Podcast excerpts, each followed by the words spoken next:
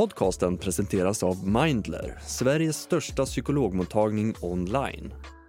Det är måndagen den 13 november. Jag heter Mattias Svensson och du lyssnar på Ledarredaktionen, en podd från Svenska Dagbladet.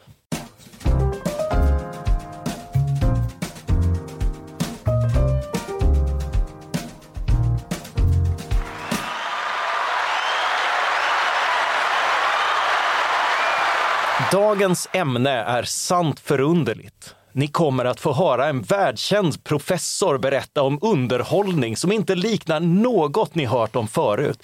Det kommer att bli skratt, det kommer att bli upplysning, det kommer att bli spektakel.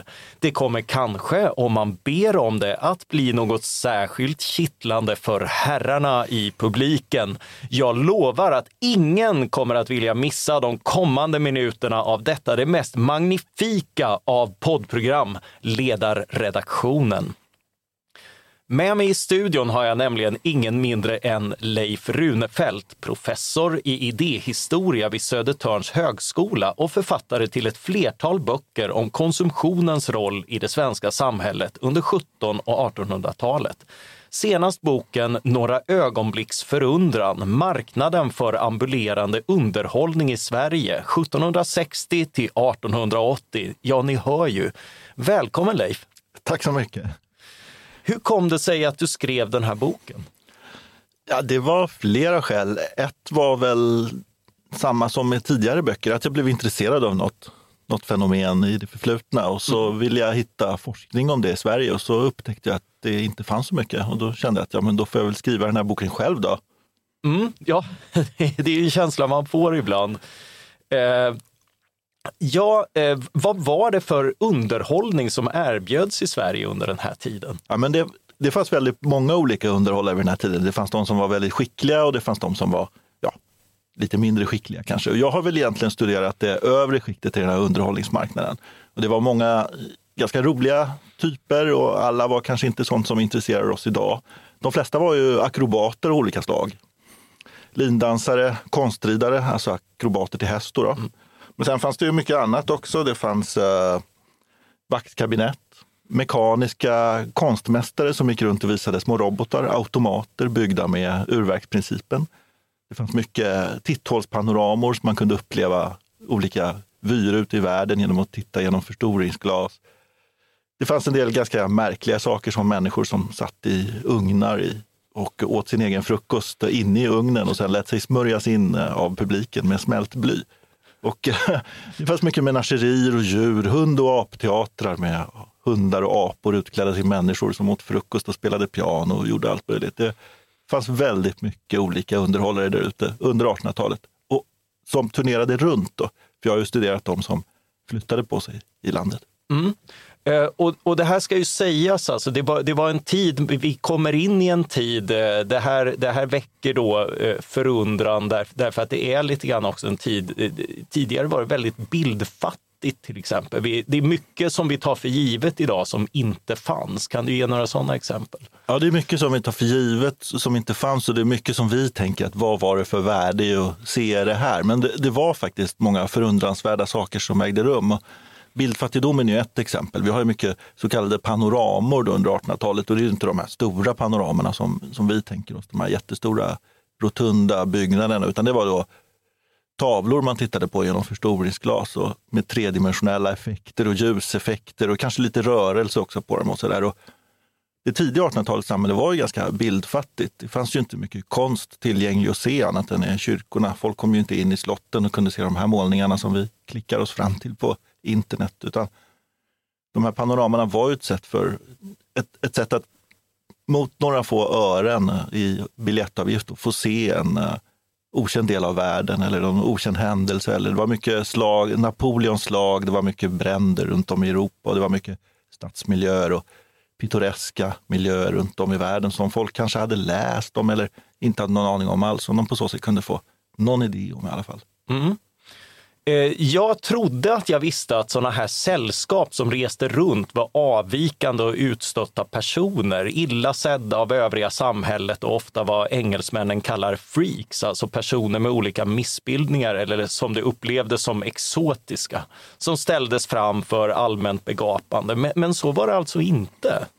Nej, det var det nog inte. Utan uh, det fanns i det här samhället en stark efterfrågan på förundran min utgångspunkt när jag började med det här forskningsprojektet för ett antal år sedan, det var just att ja, men hur, hur såg samhället på de här utstötta, avvikande figurerna? Men det visade sig ju att de ville ju ha dem. Och de var inte särskilt utstötta. Många av dem är ju väldigt skickliga. De är skickliga konstnärer, de är också skickliga, eller skickliga underhållare ska jag säga. Och de är också skickliga entreprenörer. Och de tillhandahöll någonting i lokalsamhällena som uh, verkligen efterfrågades. Man måste ju tänka på att om man tar en mindre svensk stad, liksom, jag vet inte. Mm. Ja, du har Karlskrona, min hemstad. Ja, är det så? Ja. Karlskrona, Norrköping och Gävle jag ja. på särskilt, för där finns det eh, dagspress då mm. för hela perioden i stort sett. Och, eh, ja, det kanske kom en sån här fem eller sex sådana där sällskap per år uh, vid vissa tider. Och folk var ju ganska svältfödda på underhållning. Så att, uh, det fanns en stark efterfrågan på de här människorna och de var väldigt uppskattade i lokalsamhällena ofta. Sen kunde de ju vara avvikande och ganska speciella. De levde inte upp till samhällets, liksom, de borgerliga normerna som styrde det här samhället, men de var väldigt uppskattade. Mm. Say hello to a new era of mental health care. Cerebral is here to help you achieve your mental wellness goals with professional therapy and medication management support. 100% online. You'll experience the all new Cerebral Way, an innovative approach to mental wellness designed around you. You'll get a personalized treatment plan from a therapist, prescriber, or both in a safe and judgment free space. Your cerebral therapist or prescriber will outline a customized plan with clear milestones along the way so you can get to feeling your best. With Cerebral, you're not alone in your mental health journey. We're here to empower you to live a fulfilling life. So take that first step towards a brighter future and sign up today at cerebral.com slash podcast and use code ACasts to get 15% off your first month. Offer only valid on monthly plans. Other exclusions may apply. Offer ends July 31st, 2024. See site for details. Det, det, här var en, alltså en rätt nydanande bransch eh, och bland annat i reklamen, eh, vilket jag lite grann försökte fånga med min inledning. Mm, mm. Eh, vad är det som är intressant med reklamen från den här tiden? Jag tycker reklam är ett väldigt intressant forskningsobjekt och mm.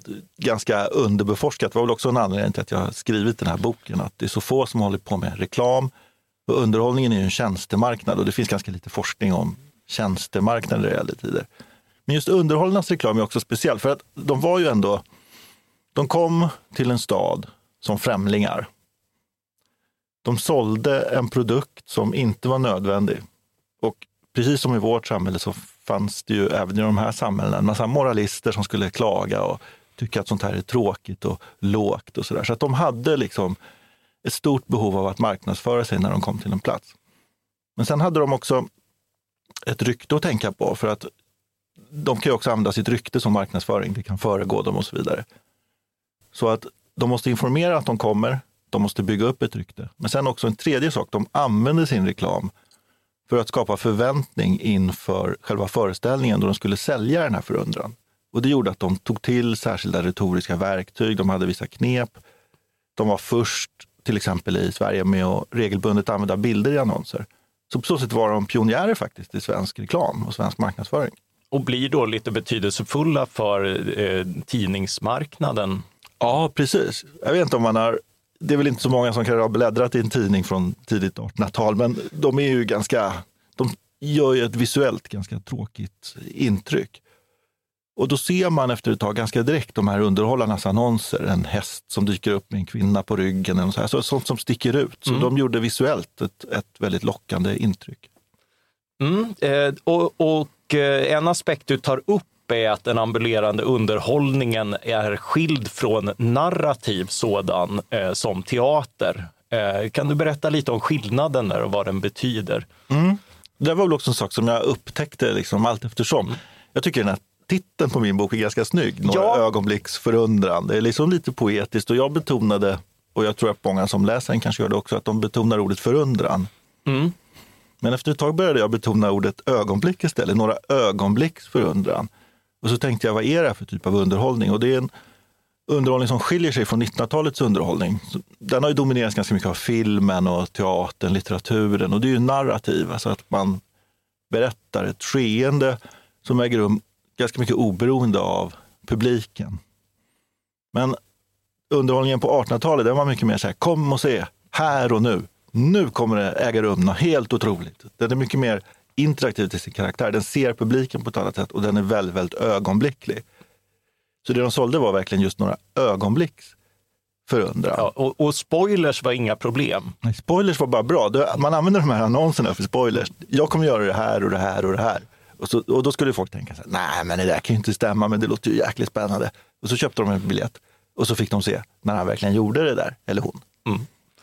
Eh, och eh, eh I podden Historia.nu eh, så är du inne, där du blir intervjuad om den här boken, också eh, på att 1900-talet är unikt i att lägga tyngdvikt vid det narrativa. Att vi kanske med senare års utveckling är tillbaka i mer av, av spektakel. Eh, är det kanske så vi ska förstå sociala medier och att ungdomar hänger på TikTok och liknande? Det tror jag absolut. Alltså det, det var verkligen en, någonting jag tänkt på, att 1900-talet är egentligen jättekonstigt för en historiker. Jag tror att vi kommer, en spaning är att vi kommer ompröva 1900-talet när det ligger lite längre bakom oss.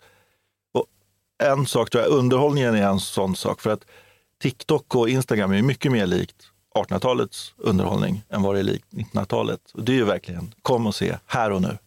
Så det förvaltar en, en underhållningstradition snarare än att representera något, något nytt förfall. Ja men faktiskt. Någonstans så det är gammalt det. förfall. Ja, precis. Ja, det var, det var en intressant eh, aspekt. Du, du har ju forskat och skrivit rätt mycket om reklam generellt och bland annat skrivit boken Den magiska spegeln, kvinnan, reklamen och den kapitalistiska samhällsordningen som kom ut 2019. Just eh, vad är det som gör reklamen så intressant i svensk historia? Ja, det är en bra fråga. Dels är den ju ett väldigt roligt källmaterial. Det är väldigt roligt att jobba med och titta på. Och kan du ge några exempel? Nej, men jag har ju studerat mycket underklädesreklam till exempel från det tidiga 1900-talet. Och det är spännande att se liksom hur, eh, hur man på olika sätt försöker både anpassa sig till samhällets normer och samtidigt utmana dem. Hur man kan avbilda en kvinna i, klädd i underkläder år 1900. Och de lyckades ganska bra. Det är liksom ett intressant källmaterial.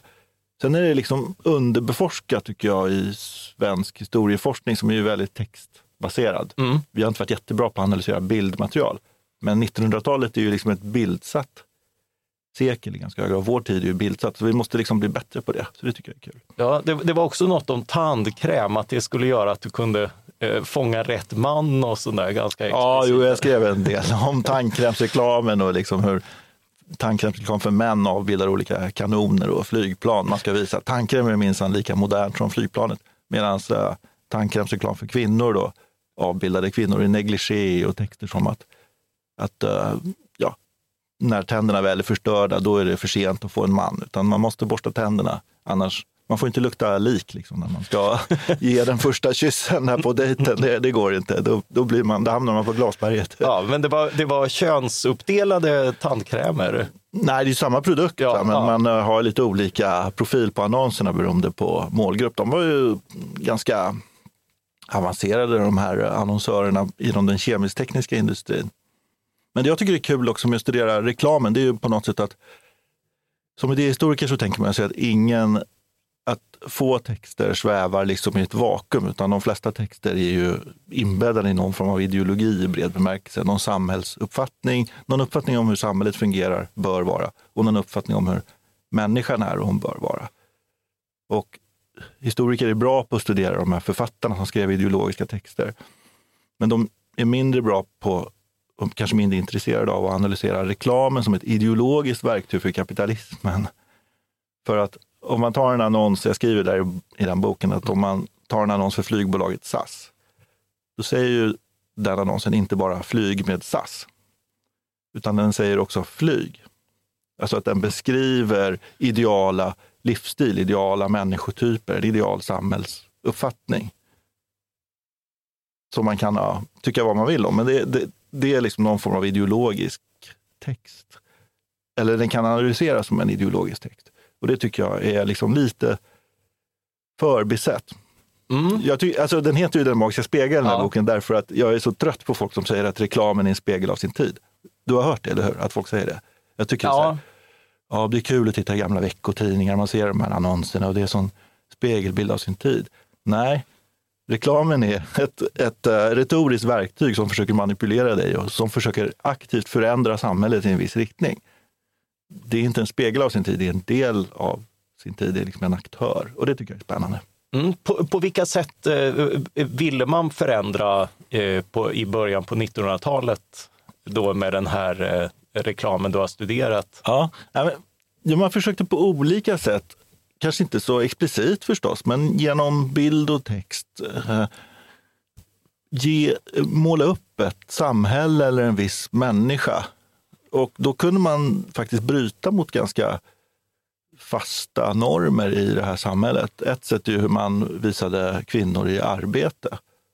Och reklamen är ju egentligen bland den första liksom, text och bildmassan som ifrågasätter 1800-talets tjänstefolksamhälle. De förespråkar ju, och det är kanske inte så konstigt för det liksom varuproducenter. Ja, ja, så du vill ha konsumenter Ja, de förespråkar ju att man ska, istället för att lägga pengarna på att avlöna tjänstefolk, ska man lägga pengarna på att köpa grejer. Ja, Så att de förespråkar egentligen ett hemmafru-ideal långt före hemmafru-idealet. Alltså obetalt arbete hemma istället för 1800-talet som ju bygger på betalt arbete hemma faktiskt. ja. Eh, och eh, så, så, så det var inte att kvinnor skulle komma ut och konsumera, det var en senare fas antar jag. Ja, men man riktar sig ju jättemycket till kvinnor, för det är ju de som har hushållskassan. Hushållskassan, Precis, ja. så att de, de flesta så konsumtionsvaror som hör till hushållet inköptes ju av kvinnor eller förväntades inköpas av kvinnor. Och så skedde en jättestor expansion av marknaden då på grund av industrialiseringen. Vi har ju modebranschen som håller på att förändras i riktning mot konfektion, alltså färdigproducerat istället för att man syr upp själv. Då. Vi har ju den kemisk-tekniska industrin som lanserar jättemycket skönhetsmedel och sådär. Vi har en teknisk industri som tar fram olika hushållsapparater. Det finns dammsugarreklam, tvättmaskinsreklam, kopieringsmaskinsreklam från, från uh, tidigt 1900-tal. Så att det händer väldigt mycket. Och mycket av det här riktar sig ju till kvinnorna, kanske inte just kopieringsmaskinerna. Men, men, men i övrigt är det mycket, var, cykeln är ju en sån här sak också som riktar sig mycket till, till kvinnor och som använder också kvinnan i sitt bildspråk väldigt mycket. Ja, där har vi ju ett eh, tidigare avsnitt, ska jag inflika, haft en eh, intervju med Henrik Höjer som vi kan dela upp som skrivit en bok om cykelns historia och dess, Mm. eh, och dess betydelse. Men om vi går tillbaka till den här reklamen för underhållningen, vilka, vilka ideal är det man kan, man kan se här? reklamen för underhållare är intressant på så sätt att den å ena sidan riktar sig till en borgerlig publik. Det är inte så att publiken naturligtvis var helt borgerlig, men den riktar sig till en borgerlig målgrupp så att säga. Den pratar med borgerligheten och det gör att den är väldigt ibland ödmjuk, kanske lite lismande eller vänlig i sitt tilltal. Den säger ärevördiga allmänhet och den talar i, om konstälskare och sådär. Så att på så sätt så försöker, och det är ju ett sätt för underhållarna att konstruera sig själva som högkvalitativa. Men samtidigt så är det ju ett, bara en annons för en tjänst som säljs mot ganska lågt pris. Så på så sätt så är den ju inte bara riktad till borgerligheten utan den är ju ganska demokratisk. Mycket av un- underhållningen, det fanns ju andra typer av sällskapsliv och underhållning och sådär på under 1800-talets första hälft. Men den var ju ganska sluten för den borgerliga världen. Man måste vara medlem i någon förening eller orden eller sällskap eller så för att få komma in. Eller man sålde biljetter men bara till de som inte var tjänstefolk och så vidare. Men underhållarna riktar sig i sitt språk till en borgerlig publik men det är en demokratisk underhållningsform. Eh, Och det är väl lite grann också, annonserna är ju i tidningar Mm, eh, och tidningarna har en viss eh, typ av publik eh, Ja, som, precis. som inte är hela. Nej, precis. Jag har ju studerat tidningsannonserna därför att det är så bra. De, är så, de, de går att följa och nu är de digitaliserade. Det har förut, för åtta år sedan, fem år sedan hade boken inte kunnat skrivas överhuvudtaget, utan det har ju skett en förändring. Sen, sen annonserade de mycket med affischer också. Det finns ett affischmaterial bevarat och så vidare som man då satte upp på stan eller delade ut och så där. Så att de hade lite olika kanaler. Ja, det är ju fascinerande också att, att, att historia skapas i detta nu genom, genom nya möjligheter. Eh, är du lika intresserad av dagens reklambudskap i tv och tidningar? Nej, jag tror ju som alla andra att, att jag själv inte påverkas av reklam, men att alla andra gör det. På så sätt. Men, men jag, kan, jag, är lite, jag har väl en lite annan blick när jag ser reklam. Och, och jag kan väl tycka att det, eftersom jag studerade reklam från det att bilden infördes då 1870 till 1914 i den här boken om kvinnobilder, så kan jag tycka att det har inte hänt jättemycket väl i de grundläggande retoriska knepen och problemen, de etablerades ganska snabbt. Sen ser det ju väldigt annorlunda ut, men i stort sett så kan jag tycka att ja, men det där känner jag igen från en annons från 1914. Ja, eh, ja det, det är mycket möjligt. Eh, en, en, en relaterad aspekt till reklamen är ju förstås, vi har varit inne på det, kommersialismen. Alltså att det som fun- förenar de här disparata underhållningsformerna i, i din senaste bok eh, är enligt dig det, att de är kommersiella. Va- vad innebär det och hur gör det att de skiljer ut sig? Ja, det kommersiella för mig, det, det diskuterar jag mycket i, i relation till tiden innan, så säga den förmoderna perioden. Och det är ju egentligen helt enkelt att en vara eller tjänst produceras för att säljas på en marknad. För oss låter ju det helt självklart, men det var ju inte självklart alls på 1700-talet. Där har vi en låg, om än ökande, kommersialiseringsgrad. En, en fungerande marknad är väl egentligen möjligheten för ett stort antal konsumenter att göra många olika val. Och eh, i, ett, i det förmoderna samhället så fanns det ju väldigt rika eliter, men i övrigt ett väldigt litet utrymme för konsumtion. Och det gjorde att graden av kommersialisering blir låg och det finns ingen möjlighet till något egentligt konsumtionssamhälle. Men i och med de förändringar som äger rum under 1700-talet, borgerlighetens framväxt och så vidare, så kommer ett, en allt större grupp som kan konsumera allt fler varor. Man börjar få möjlighet att göra val på en marknad. Och därmed så öppnas det upp möjligheter också för nya sektorer av ekonomin. Och då menar jag att underhållningen är en sån. Det blir som en underhållningsbransch. För då, de är rätt tydliga entreprenörer, de här eh, underhållarna. Hur, hur märks det? Ja, de är väldigt skickliga entreprenörer. De är duktiga på marknadsföring. De är naturligtvis duktiga på det de gör. Men de är också opportunister. Funkar inte en verksamhet, då byter de ju efter ett tag och gör något helt annat istället som visar sig vara mer lönsamt. Det är till exempel menagerister. Det, det är ju ganska dyrt liksom, att frakta runt djur på den svenska, mellan svenska småstäder. Så det var ganska vanligt att man hade ett menageri, men att man kanske övergav det för ett panorama efter ett tag. Det är inte, de här är inte konstnärer på så sätt att de drivs av ett intresse för djur eller så, utan de drivs ju av ett intresse av att försörja sig som uh, yrkesutövare. Eh, vi kanske ska, vi- vilka var de här underhållarna? Mm, det är en bra fråga. Det sker en förändring på marknaden under hundra år. Alltså, om man tittar på sent 1700-tal, då är det ju jättemycket italienare. Och italienarna har ju väldigt gamla migrationsmönster. Att de har ju alltid sedan medeltiden rört sig liksom runt om i Europa på olika sätt. Så det var väldigt mycket italienare som kom med vaxkabinett och sköt upp fyrverkerier och gjorde det ena och det andra. Och så förblir det långt in på 1800-talet. Sen började det komma ganska mycket andra. De, länge var ju nästan alla utländska av olika slag. Mycket tyskar eller tyskspråkiga personer som dyker upp. Särskilt de här mekanikerna är ofta tyskar. Sen vet man inte, det var ganska populärt att ha italienska namn. Så att de är inte så intresserade av sanning. ju, Så att vi vet inte, man- de framställer sig på ett sätt. Ja, eh, därav Ja. professor till Ja, exempel. Det ja, var många precis. professorer. Trollkarlarna var ju Ja. oftast professorer, ja. precis. Eller hov, hovkonstnär eller hovingenjör eller något sådär var de ju. Ja. Gärna väldigt långt borta som i Amerika eller Grekland eller något sådär. Ja. Men eh, med tiden blir det mer och mer svenskar. Ju. Det kan bero på flera olika saker, men en förklaring kan ju vara att det var en ganska låg tröskel på den här marknaden.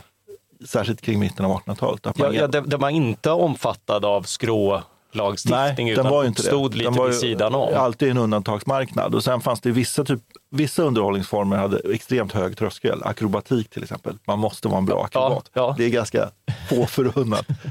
Andra däremot, visar visa vissa djur, visar visa ett tittskåp, ett panorama. Det kan man skaffa sig och göra under en viss tid. Och en, en ganska låg liksom, tröskel för att komma in på den här marknaden. Say hello to a new era of mental health care. Cerebral is here to help you achieve your mental wellness goals with professional therapy and medication management support. 100% online. You'll experience the all new Cerebral Way, an innovative approach to mental wellness designed around you. You'll get a personalized treatment plan from a therapist, prescriber, or both in a safe and judgment free space. Your cerebral therapist or prescriber will outline a customized plan with clear milestones along the way so you can get to feeling your best. With Cerebral, you're not alone in your mental health journey. We're here to empower you to live a fulfilling life. So take that first step towards a brighter future and sign up today at cerebral.com slash podcast and use code ACasts to get 15% off your first month. Offer only valid on monthly plans. Other exclusions may apply. Offer ends July 31st, 2024. See site for details. Du skriver om att den här kommersialismen är sammankopplad med en demokratisering. I, i vilken betydelse? Men jag tänker mig att det är liksom två sidor av samma mynt. Om konsumtionen inte är tillräckligt spridd, eh, förunnad en större grupp, då finns det för få människor som kan göra val på marknaden.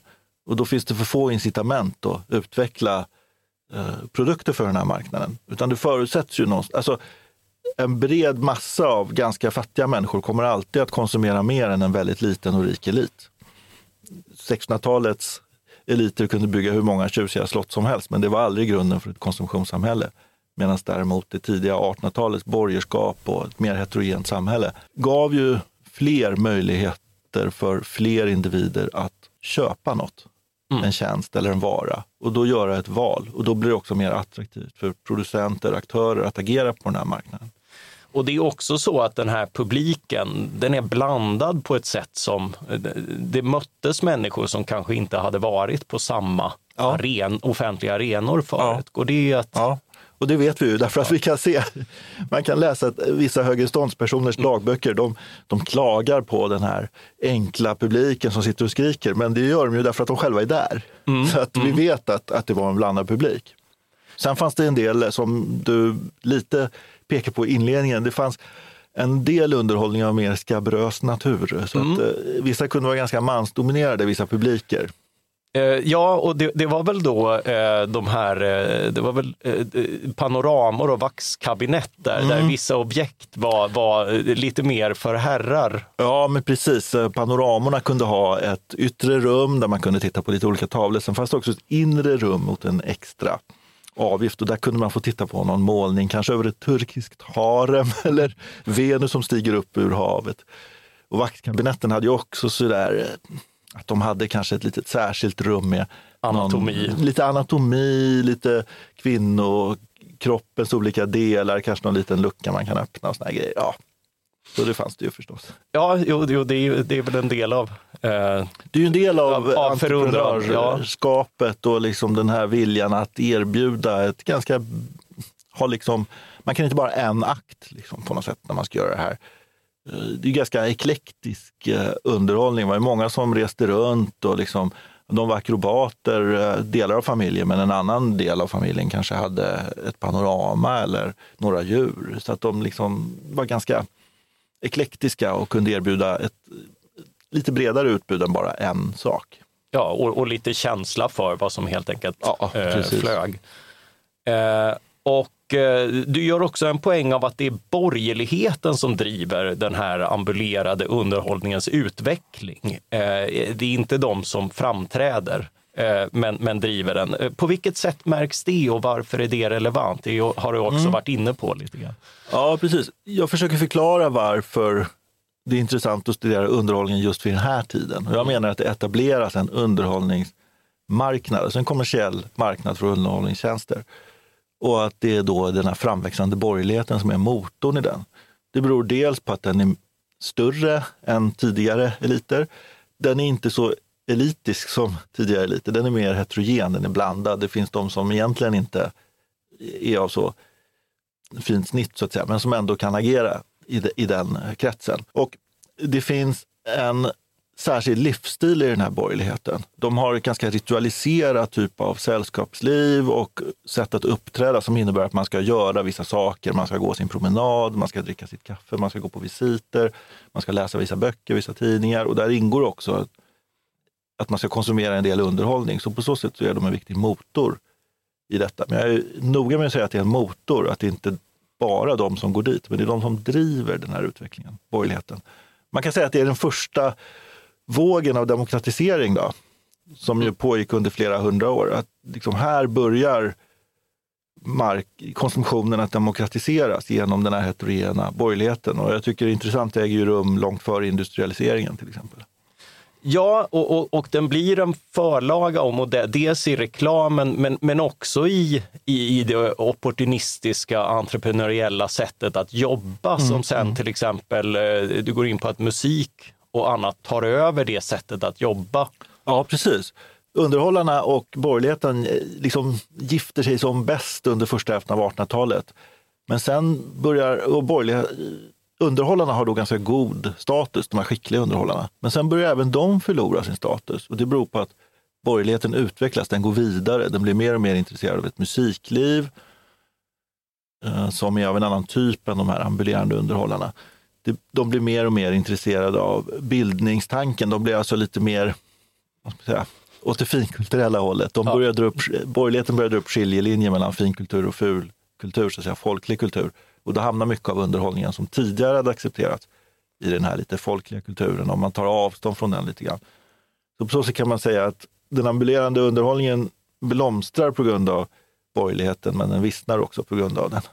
Mm. Och det är väl lite grann med många andra ambulerande tjänster som du nämner, ja, ja, precis, som också är precis. riktade till eh, ett, ett konsumerande borgerskap. Ja, precis, och det är väl också en del av marknadens logik. Alltså de här underhållarna hur skickliga de än var. De svenska städerna var ju små. Det gick ju inte att vara bofast, utan man måste helt enkelt flytta på sig. Och det var ju inte de ensamma om. I början på 1800-talet så var det ju många yrken som ambulerade. Många av dem riktade sig ju helt till borgerligheten. Man kan ju ta dansmästare, tandläkare, instrumentmakare, porträttmålare. Optiker. Optiker, precis. De rörde ju på sig för att tillhandahålla tjänster åt en borgerlighet. Så det var ju inget skamligt eller utstött med den ambuleringen, utan det var bara en marknadslogik. Sen växer ju städerna upp. De blir lite större. Konsumtionen eh, per individ så att säga, blir också större. så att vad ska man säga, alltså själva upptagningsområdet blir större i varje mm. stad och det gör att fler och fler av de här tjänsterna blir bofasta. Tandläkarna till exempel sätter ju upp eh, praktiker praktik. ja. i städerna. Fotograferna är ett intressant yrke. När de kommer på 1840-talet ambulerar de, på 1870-talet finns det ju en fotostudie i varje liksom, stad med självaktning. Så är det ju.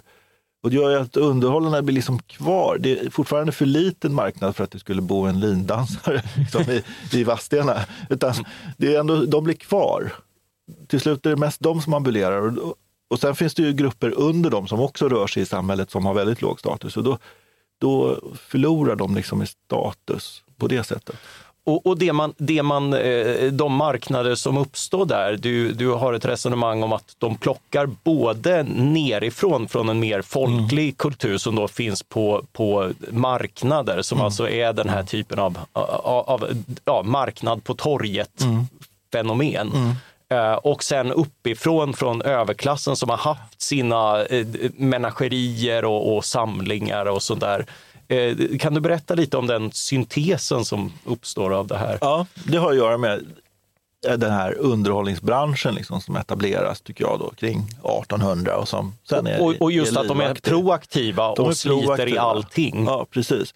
Det är klart att det alltid har funnits akrobater och trollkarlar och sådär på marknaden. Men, och de hämtade ju mycket därifrån, men de kunde också hämta mycket ovanifrån. Menagerierna nämner ju du. Då. Förut på 1750-talet då hade ju eliten då orangerier och menagerier, några djur.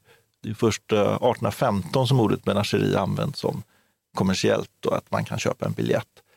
Och, men det fanns ju menagerier innan. Men, men, och det, även många trollkarlar och, och, och eh, opti, alltså optiska fenomen, utövare av eh, sådana och mekaniker och så här, de, under 1700-talet var ju det nästan reserverat för eliten i viss mån. Uh, mekaniska konster till exempel. Det finns ju den här kända ankan som gjordes på 1740-talet. Eh, och det finns som kunde både röra sig och äta fisk och allt möjligt. Och det finns ju en del andra såna här slottsparker som är mycket mekaniska konster. Men det är ju väldigt stor skillnad på att se mekaniska konster i ett slutet adelssällskap på en, i en slottsmiljö och att köpa en biljett och se det på marknaden i Kristianstad. Mm. Och, och, det var 50, fler, 50 år senare. Ja, det, det blir fler grupper som, ja, som det blir tillgängligt för precis. helt enkelt. Och det kanske inte är samma kvalitet där i Kristianstad, men det är samma teknik, det är ju mm. samma idé. Ja, det är en intressant sak du har om tekniken, att, eh, att teknikerna tar oss, som visas upp tar oss egentligen inte framåt utan är mer en kvarleva. Ja, precis. De här mekanikerna är ju eh, ganska egentligen ganska gammaldags eh, underhållningsform. Det är ju väldigt spännande med människor på 1800-talet som åker runt och visar små robotar, automater, mm. automata som Men det var ju egentligen mycket, kommer från antiken och medeltiden och sen de förlorar ju ganska mycket status under andra hälften av 1800-talet. Det, det, den tekniska utvecklingen går ju vidare i förhållande till urverksteknologin mm. så att säga. Ja, så det är andra tekniker som, ja. som leder mot utvecklingen? Ja, det är inte så spännande kanske att se en, en plåt och träfigur som rör sig på armarna när man kan se ett ånglok stå och frusta på stationen bara några hundra meter bort. Det kanske mm, är mer mm. intressant och framåtriktande teknik. Ja, definitivt. Eh, och, och eh, det Mekaniken finns ju kvar, det blir ja. leksaker sen ju. Mm. Det, det, är ju det, mycket av den underhållning som var för vuxna på 1800-talet blir ju eh, saker för barn senare. Ja, och, och, och finner på så sätt också mm. sin plats i mm, mm. industrialismen. Eh, och, och, museer och annat, där har du ju sagt att de här, eh, liksom, man, man, man, man samlade objekt eh, mm. och sådär. Men du menar att det snarare är förundran än, än samlandet och, och sorterandet som, är, som ja. är den ledande principen här? Ja, det tycker jag väl. Alltså, det där är också en sån sak som kom från eliten, kuriosakabinetten, mm. slottens och adelsmännens samlingar av märkvärdiga föremål. De var ju liksom för, Wunderkammer heter det på tyska, alltså mm. förundransrum. Och det var ett slutet rum på 1700-talet, man kunde inte komma in där. Men sen återigen lyfts det här ut då, till en marknad. Men det som är förundransvärt ändras ju också. Det är klart att mycket av det som fanns i de här Wunderkammer, som konstiga djur och märkliga föremål från andra kulturer, det kunde man visa fortfarande. Men det, förunder, det som är förundransvärt förändras ju också. Ja, jo, det, det har en avtagande eh, Även konsumtion är ett tema du varit inne på förut. Eh, en annan av dina tidigare böcker heter Att hasta mot undergången. Anspråk, flyktighet, förställning i debatten om konsumtion i Sverige 1730 till 1830. Eh, här handlar det mer om klädkonsumtion och mode och den oro det födde i samhället, att lägre ståndspersoner börjar imitera högre. Eh, kan du ge några exempel härifrån? Mm. Det här är en tidigare period. Det är, en tidigare, det är 1700-tal mycket och det är en studie liksom i, vad ska man säga, det sena förmoderna samhällets gradvisa upplösning. Jag tänker mm. mig ståndssamhällets uh, upplösning uh, tolkat genom konsumtion. Mm. Mm. Och jag tänker mig att ett, de här gamla samhällena, hierarkiska, uh, var, de var ju strikt ojämlika. Man var ju verkligen nästan rädd för ojämlikhet i de här samhällena. Och ojämlikheten kunde man bara... Man var rädd för jämlikhet snarare? Ja, ja förlåt, ja. jag sa fel naturligtvis. Man var rädd för jämlikhet. Utan det var grundläggande ojämlikhet, det skulle vara ojämlikt. Mm. Och den här jämlik... Var och en skulle veta sin plats. Ja, och den här ojämlikheten måste ju manifesteras på något sätt, den måste synliggöras. Den fungerar inte alls effektivt om man inte kan se skillnad på människor, människor och placera in dem i det här hierarkiska samhället. Men vad händer i ett samhälle om möjligheterna till konsumtion ökar? Konsumtionen var ju låg på 1700-talet, men den var stadd i förändring. Den förändrades och ökades mycket på grund av kolonialismen och liksom, den koloniala handeln. Vad händer med ett samhälle när människor börjar plötsligt se annorlunda ut, få möjlighet att se annorlunda ut, skaffa sig nya färger, nya material och så vidare. Ja, men då blir det svårare att upprätthålla den här synliggjorda ojämlikheten. Och man tänkte sig att ojämlikheten måste vara synliggjord, så då är det ett hot mot samhället. Och den där titeln, Att hasta mot undergången, det är ett citat. Och det var ju rätt många som tänkte att om vi inte stoppar konsumtionen så kommer Sverige att upphöra att existera. Eh, och, och vad var det då som skulle leda mot undergången? Vilka mekanismer? Det var ju framför allt eh, det som påverkade det här synliggörandet. Alltså kläder, accessoarer, kulturella beteenden, sällskapsliv. mycket. Och framförallt vem som ägnade sig åt vad. Mm. Och så försökte man då genom lagstiftning på olika sätt, regler, sedvänjor, reglera människors konsumtion. Då, så att den ena fick ha det i något som var förbjudet för den andra och så vidare. Ja, man var mycket arg på, på mode och det skulle, Ja. man, man, man ville stoppa det genom att förbjuda förändring. Ja, den svenska staten drev ju under ett 50-tal år ett eh, fruktlöst eh, krig mot modet och försökte införa vad man då faktiskt kallade för det oföränderliga modet, vilket ju är en omöjlighet. Man var ju rädd för modet för att det innebär nyheter och förändring. Och nyheter är också svårt i ett hierarkiskt samhälle. Det är klart att det blir till sin karaktär ett ganska statiskt samhälle. Men modet eh, kom att representera mycket av de här nedbrytande tendenserna i samhället, också vad gällde könsmaktsordningen och så, för att man tänkte att eh, kvinnor eh, drevs av sina impulser mer än män och de kunde inte lägga begär på sin eh, konsumtion. Och om då modet förändrades hela tiden, då skulle kvinnorna konsumera för mycket och då skulle de ruinera sina män eller så skulle de bli överordnade sina män och då skulle ju samhället krascha direkt. Liksom. Mm, så det är både makt och, och befarande av Ja. förlo- förlora pengar. Eh, man, man ser det här som en förlustaffär. Man ser, man ser det som en förlustaffär på så många plan. Alltså för individen som inte kan använda sitt förnuft. För staten som då måste importera massa varor. Men också för samhällsordningen. Jag tror man var genuint oroliga för samhällets fortbestånd på grund av konsumtionen. Det var en reaktion på de förändringar som man kunde se vad gäller konsumtionen i det här samhället. Mm. Den här boken följde debatten om konsumtionen medan du i den senare studerat eh, annonser och förvisso även tidningstexter. Och, en sak jag noterade är att debatten dominerades av, av just den här konsumtionskritiken. Eh, Den var reaktionär mot genomslaget för mode och experimenterande med kläder. Eh, Men förändringen pågick ändå rätt obekymrat i, i samhället.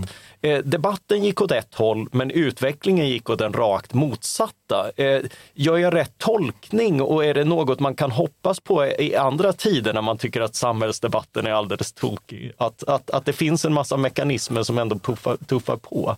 Mm. Ja, men det, under den här tiden var det ju helt klart så. Jag, jag kan inte säga liksom, om framtiden, men den här, tiden, det fanns, här fanns det ju vissa stora förändringsprocesser som vi nu vet pågick. Liksom kolonialiseringen, ett nytt globalt handelssystem, kommersialisering, borgerlighetens framväxt, demografin och så vidare. Det var väl ingenting som man kunde motverka genom att debattera konsumtion som så. Men, men samtidigt så, det man kan inte döma de här personerna. Jag, jag skrattar ibland åt det här att jag skrev en bok som hette Att hasta mot undergången, där det var liksom några knäppjökar som trodde att konsumtionen skulle få samhället att gå under. Alltså, Ja. Vänta nu, var är vi någonstans? Det tror jag också. Att, så att det Ja, ganska- jo, jo, det här är ju stråk, som, ja. stråk som dyker upp och ja. jag, och jag tror säkert att det finns eh, några i generation Greta Ja, som, men som, som går och leker med tanken på att Att förbjuda mot mode och ja, sånt ja, där. Liksom. Alltså, det, fin- att hasta mot undergången, är, Mm.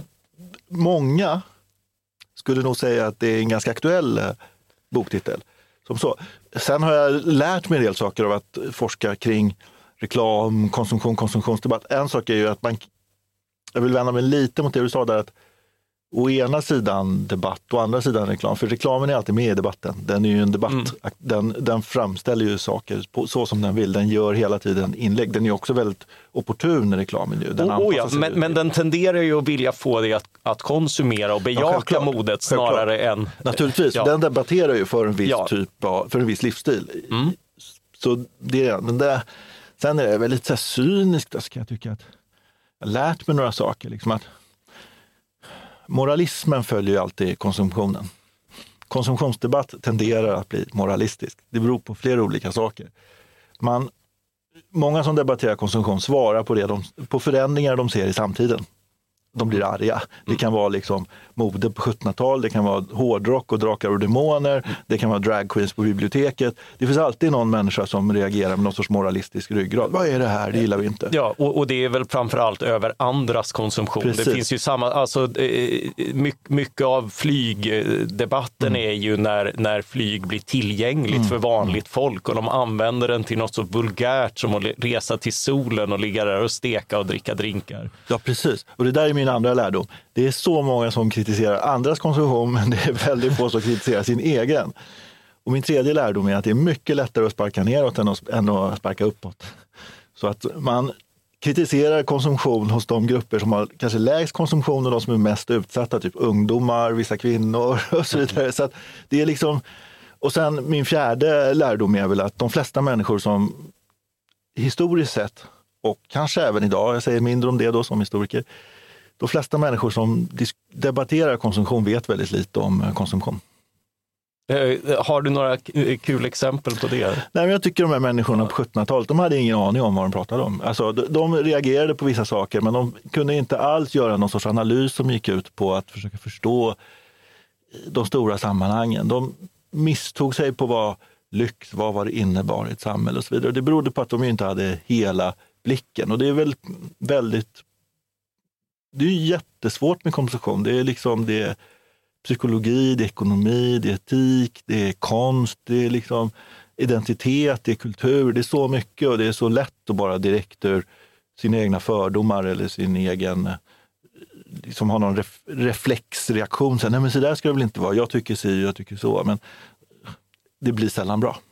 Ja, alltså kon konsumtionen låter väl oss, eh, och, och det är väl det som kommer redan här på 1700-talet. Alltså den handlar i ganska stor utsträckning om vem vi vill vara snarare än nödvändigtvis vem vi är. Och, och att vilja, att aspirera på att vilja vara någon annan är väl alltid en utmaning mot samhället. Ja, det är ju det. Och, och det är klart, har man då ett så ofritt samhälle på 1700-talet så blir det stora problem. Idag har vi ju ändå ett friare samhälle. Men vissa liksom, identitetsuttryck genom konsumtion tar vi väl avstånd från, antar jag. Kanske även idag. Ja, det är väl oerhört laddat med, med viss typ av konsumtion och det finns ju alltid. Jag menar, det, det finns, vi har program som Lyxfällan till Ja, exempel. Eh, Ja, det finns- det där, är där, där människor ändå moraliska. fastnar i, i en skuldsättning Mm, eh, av beslut som vi nog inklusive de själva i efterhand kan komma, komma överens om att det där var inte det smartaste. Nej, visst är det så. Visst är det så.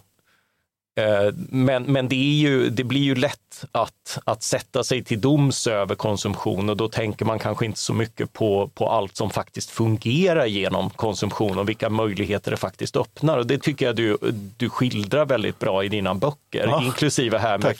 att, att man ändå fick ut någon förundran och sådär av det. Eller hur tänker du? Ja, jo, men jag tycker det är viktigt också att man som historiker kanske inte blir så ensidig liksom, och skriver en bok som riktar en stenhård eh, kritik av kapitalismen kring 1900, utan man kanske kan rikta lyfta fram de problem som finns i den här industrikapitalismens reklam, men också lyfta fram vissa saker som de ju faktiskt gjorde som gick stick i stäv med det här ganska unkna 1800-talets borgerliga samhälle.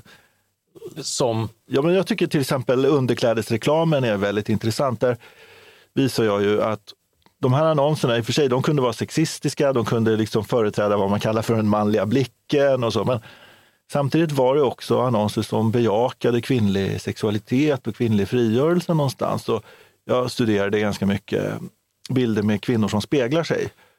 Och då påstår jag i den här boken att reklamen kring 1900 är det första liksom, material som visar kvinnor som speglar sig utan att samtidigt fördöma dem.